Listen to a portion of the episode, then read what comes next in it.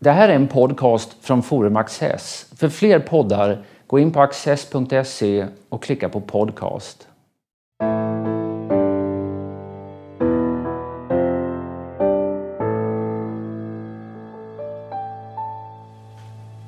Välkomna till Studio Access.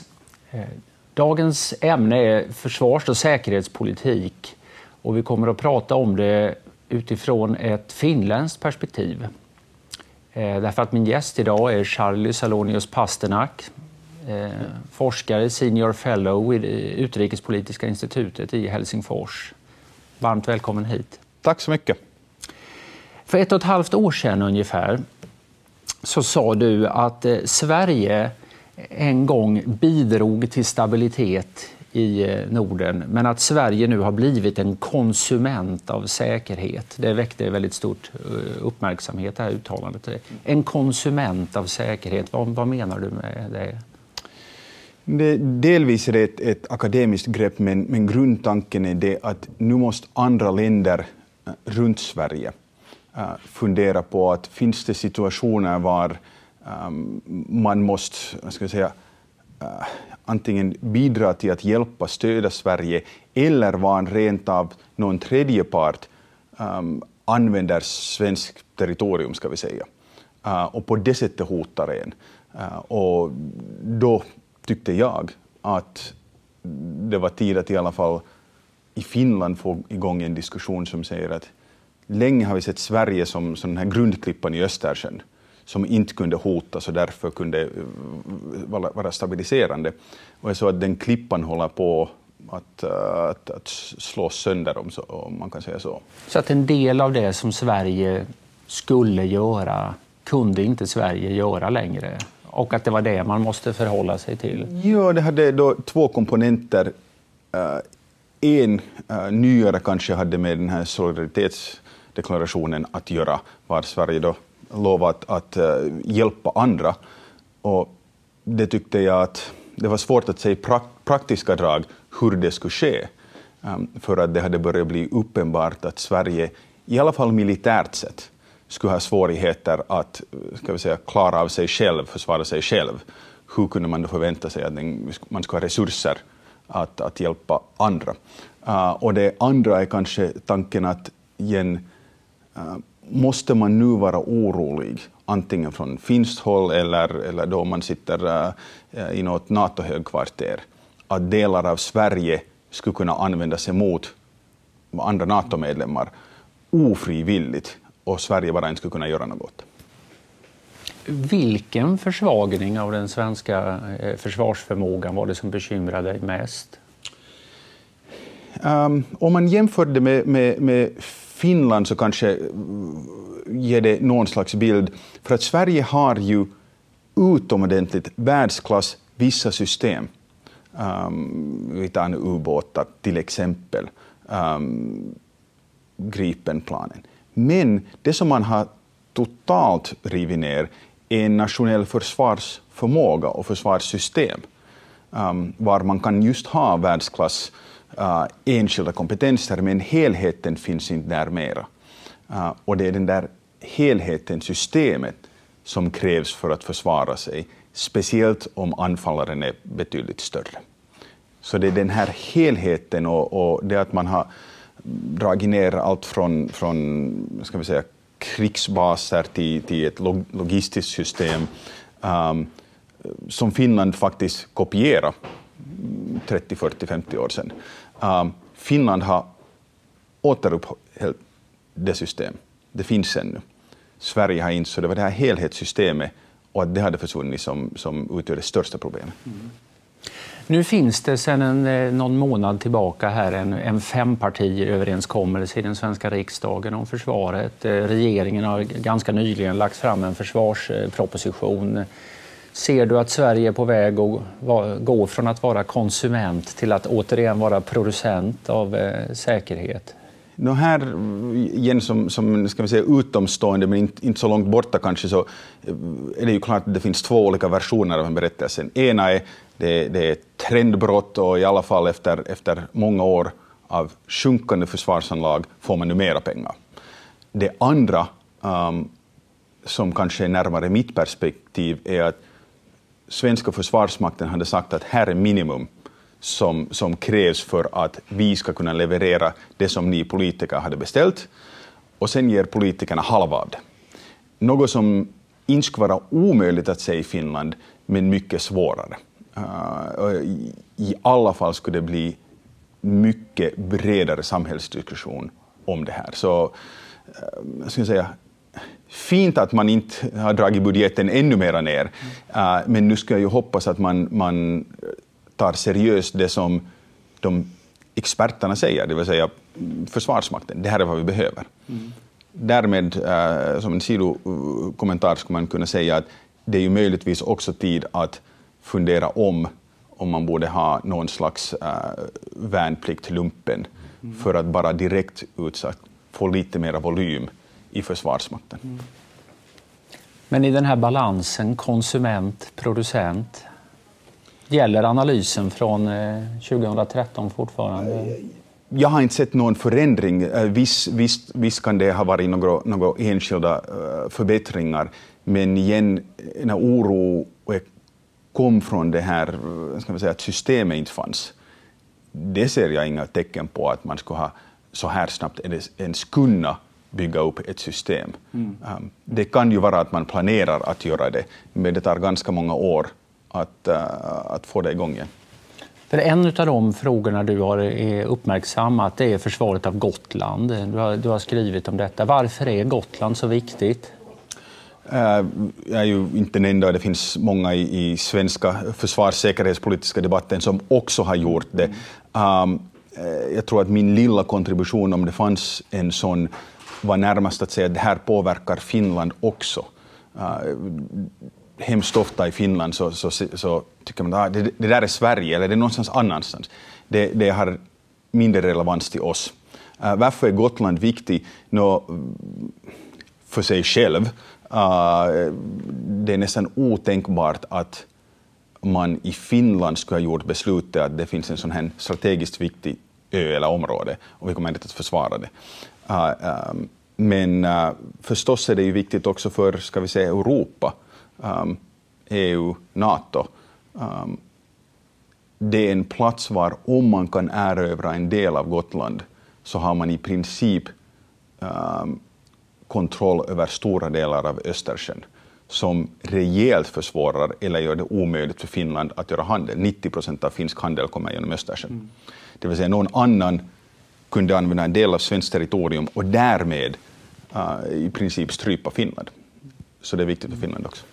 Ja, nu säger ju den här nya försvarspropositionen att man ska etablera en, en eh, varaktig närvaro på Gotland, men det är, det är, några år dit och mycket av det som har eh, tagits bort och förstörts måste, måste återställas igen innan detta kan, kan hända.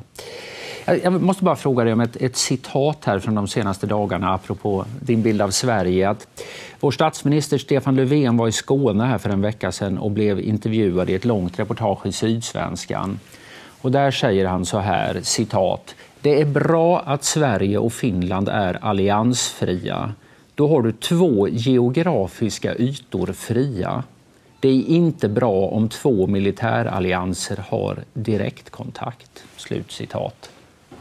Vad tänker du när du hör det här? Um, ja, hur ska man säga det här diplomatiskt? No, först om jag börjar från den här väl sista meningen. Um, jag undrar vad man säger i våra två grannländer Norge och Estland om det här, som dock har en gräns med uh, Ryssland. Um, sen den här mellanmeningen, två militärallianser, uh, det låter lite, uh, ska säga, kalla krigiskt. Um, var man i Finland mm, satt ju jämlikhetstecken mellan NATO och Warszawapakten, att de var båda lika uh, lika dåliga för världsfreden, ska vi säga. Um, det att ha två fria geografiska ytor, och man kan ju se det positivt, men uh, det vill säga att det är också ett os uh, äh, osäkerhetsmoment.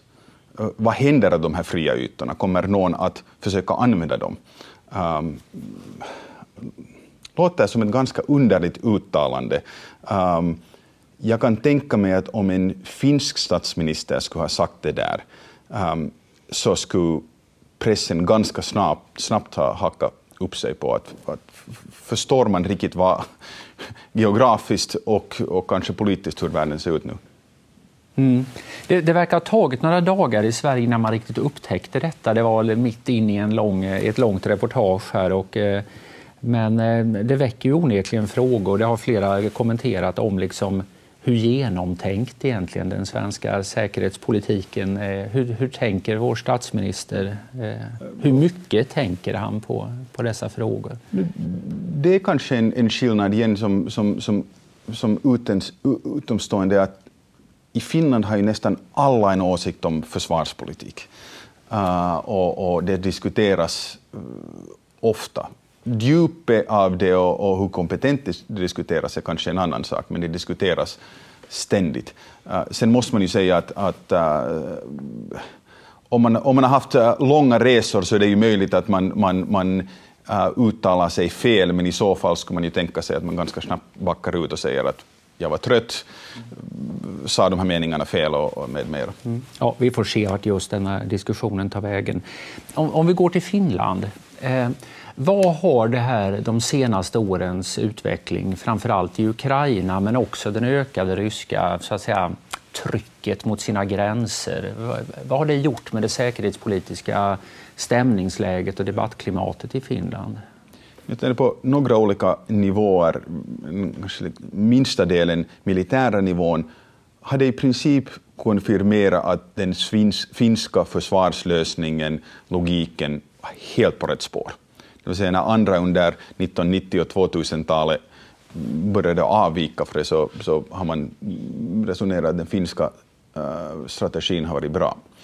Sen gällande utrikes och säkerhetspolitik så har det faktiskt tagit ganska länge före man medgav på högsta möjliga politiska nivån att läget är annorlunda. Den här tanken med integration, uh, mera mera handel med, med alla grannar, um, och speciellt Ryssland, så, så, så kommer man att på något vis dra Ryssland in i en sån här västerländsk demokratisk ström. Um, uh, nu är den bruten, men det tog mycket länge före man vågade medge att det faktiskt är så att man kunde inte säga att Georgienkriget 2008 var engångsföreteelse. Det börjar bli en trend. Ryssland är färdigt att använda militära maktmedel mot sina grannar. Och Finland är då en av de här grannarna och det finns en historia av krig mellan Finland och Ryssland. Det är ju inte en trevlig tanke, så jag förstår varför det har tagit länge före det här ska vi säga, mediet så kommit upp i, i diskussionerna. Men, men uh, desto längre kriget i Ukraina varar, så desto mer har det slått igenom, både på politiska nivån och sen, sen bredare folk. Tror du att det kommer att få politiska konsekvenser i, i närtid? Uh, svårt att se. Um, man är ju med då i, i EUs um, ehm, sanktioner, man har begränsat um, möten på politiska nivån på ska vi säga, helt den praktiska nivån, det vill säga gränsbevakningen, så gör man ju samarbete. Det är bara bådas intresse. Uh, finska presidenten träffade Putin uh, på tu man hand i, i förra augusti. Så man har vissa kontakter, men, men som en helhet är man och inser man att vi är nu del av EU och då ska vi agera som man har kommit överens. Därför är det mycket svårt att säga att det skulle finnas något större um, ska vi säga, förändringspotential. Mm. Det håller på att bildas en ny eh, regering i, eh, i Finland och Centerpartiets Juha Sipilä blir med all sannolikhet nästa statsminister. Har det någon betydelse? Centerpartiet har haft lite annan profil ändå än Samlingspartiet som var statsministerparti tidigare. Jag tror att vad man kommer att se, nästan oavsett vilken koalitionen blir, så kommer man att se vissa retoriska förändringar. Eh, jag skulle vara förvånad om man talar lika direkt om, eh, ska vi säga, eh, Ryssland. Men kommer det att ändra själva finsk politik? Det tror jag inte, kanske i marginalen. Um, Sipilä verkar vara driven av ska vi säga, pragmatism. Um, han kommer inte att blåsa upp några, några enskilda saker eller skandaler, utan göra saker som han upplever att det här är bra, det här är viktigt, och, och, på ett finskt sätt så gör man det bara, man behöver inte uh, ha, göra stor teater av det. Mm. Det har ju funnits en viss, inte minst kanske i synen på ja, Nato, en, en viss ändå åsiktsskillnad. Men Centerpartiet har väl varit svalare än, än Samlingspartiet och Socialdemokraterna traditionellt eh, sett. Absolut, och här, här blir det intressant dock för att förra regeringens program stod det explicit Finland kommer inte att ansöka och kommer inte att förbereda NATO-medlemskap. Och det här tyckte ju många, äh, inklusive jag, att det var underligt att en suverän stat skriver vad de inte kommer att göra för nästa fyra år. För att i Finland på sistone har regerings äh, de här programmen varit, varit ungefär lika bindande som tio budorden. Mm. Det vill säga man avviker inte från dem. Men nu tror jag igen att genom den här pragmatismen och det har Sipilä antytt på, att man kommer inte att ha sådana här meningar inne som begränsar finsk handlingsfrihet. Um, man måste komma ihåg att under kalla kriget och ännu också så är det här att maximera handlingsfriheten något centralt. Mm. Um, därför tror jag att det kommer att se ut som man skulle vara färdigare för NATO-medlemskap för att man går från ett absolut nej till vi ser hur världen förändras. Mm. Uh, I praktiken tror jag inte att det kommer att ske en stor förändring. Så retoriken kan man säga kommer att präglas mer av att det är 2015 än av att det är Centerpartiet? Eh, det är vad jag tror när vi talar om statsministern. Sen beror det ju mycket på vem är utrikes, inrikes och försvarsministrarna. Mm. Som vi har sett nu så, så skillnaden mellan utrikesminister mm, Tuomio, socialdemokrat, och, och, och, och Haglund, äh, Svenska folkpartiet, har ju varit enorm. En talar absolut om rysk aggression, um, krig i Ukraina med mera. Um, och, och sen då um, utrikesminister Tuomioja använder likartade ord men mycket mer diplomatiskt, mycket mer ska vi säga runt. Det kan ju bara vara att om man är utrikesminister så måste man använda sådana här termer, men en klar skillnad. Um, utrikesminister Tuomioja gav en intervju till ryska Itartas kan inte tänka mig att försvarsminister Haglund skulle ha någonsin gjort det. Okay. Um, så, så, så, det beror delvis nog också på vem slutligen får vilka portföljer. Men, men låt oss backa lite till det här eh, eh skillnaden Sverige-Finland igen. Jag, jag, tror att en vanlig uppfattning i Sverige bland de som intresserar sig lite lagom för de här försvars och säkerhetsfrågorna det är att Sverige har rustat ner på ett ganska ogenomtänkt sätt och försöker nu reda upp situationen medan Finland har tagit det mer lugnt och ansvarsfullt och är i ett mycket bättre läge. Är det, stämmer det med din bild? No, i, I stort sett, jo. Um, men, men det finns en, en, en ganska rejäl gnutta tur i det här man är mycket systematisk i hur, hur man bygger upp militären, uh, vilka år man investerar i marinen, vilka år man investerar i landstridskrafterna med mera. början av 90-talet fick man köpa massor med material från Östtyskland med mera, um, spara pengar då. Um, just nu skulle jag säga, nästa några år, är finska militären säkert så slagkraftig som den någonsin har varit. Ehm, men redan i slutet av decennium börjar delen av det här materialet som man har skaffat bli bara föråldrat. Ehm, nu kan man ju använda det, men, men speciellt om man förbereder sig för att strida mot en eh, någorlunda teknologisk motståndare så, eh, så kunde det gå illa ut. Ehm, så just nu, bra läge. Man har inte mera sådana här stora 750 000 mans papperstigar med mera som man hade under kalla kriget. Vad som händer i slutet av decennium 2020-talet är ett stort frågetecken. Finska försvarsmaktens chef har redan sagt om man inte får en 200 miljoner till per år kommer försvarsförmågan att börja gå ner redan om tre, fyra år. Och 200 miljoner är euro, så vi pratar om ungefär 2 miljarder eh, svenska ja. kronor. Ja. Och, och det, det, där, det till nuvarande budgeten. Sen för att lösa de här stora anskaffningsfrågorna för marinen, uh, vad som ersätter finska jaktflyget Hornet mm. um, nästa decennium, talar vi om 10-12 miljarder euro minimi. Mm. Um, vi får se hur, hur det går. Så bra idag, men eh, frågetecken inför imorgon. Ja, um, det... en, en viktig skillnad mellan Finland och Sverige det är ju värnplikten och, och för, personalförsörjningen. Och, eh, Finland, men faktiskt också Danmark och Norge har ju då ett pliktinslag kvar i sin personalförsörjning som är större än vad det svenska är. Och, och det har ju en betydelse för hur man bemannar. Det har ju också en annan sorts betydelse som har att göra med den folkliga kontakten och, och eh, närvarokänslan i de här frågorna. Eh, tror du att den är... Eh, vad, vad tror du om dess betydelse? Jag tror att den är allt viktigare eh, om man tittar samhälleligt. Eh, det är ju inte alla som vill motivera värnplikt med att säga att det har en samhällelig påverkan, utan det ska vara hårda militära. Men absolut, eh, desto mera det finns i Finland olika perspektiv på vad är ett gott liv, eh, hur ska samhället se ut med mera. Det är att i princip alla, um, oavsett bakgrunden, om man nu inte är för sjuk, um, alla män alltså, uh, måste lära sig att leva med varandra i alla fall sex månader? Hur, kom, hur, hur diskuterar man med människor som kanske har helt annan bakgrund? Hittar man några gemensamma vä äh, äh, värderingar med mera? Jag tror att det är otroligt starkt. Och det gör ju att militären inte heller är långt borta. Det är omöjligt att leva i Finland och inte känna någon som, som har varit i militären eller, eller, eller på något vis påverkas av det.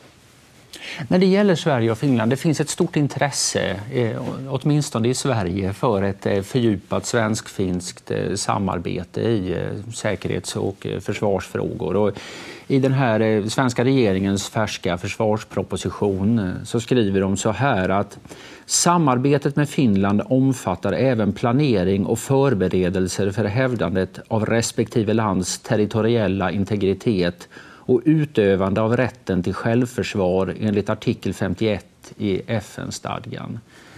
Det där är att gå ganska långt eh, ändå. Eh, liksom, är man bekväm med det här sättet att uttrycka sig på i Finland?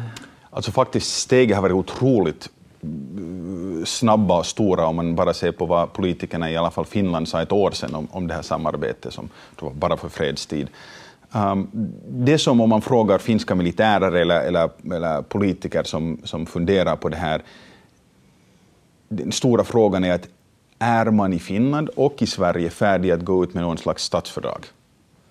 Utan ett statsfördrag finns det inte en enda general i Finland som kommer att börja planera försvaret av Finland utifrån något annat än det som finns i Finland.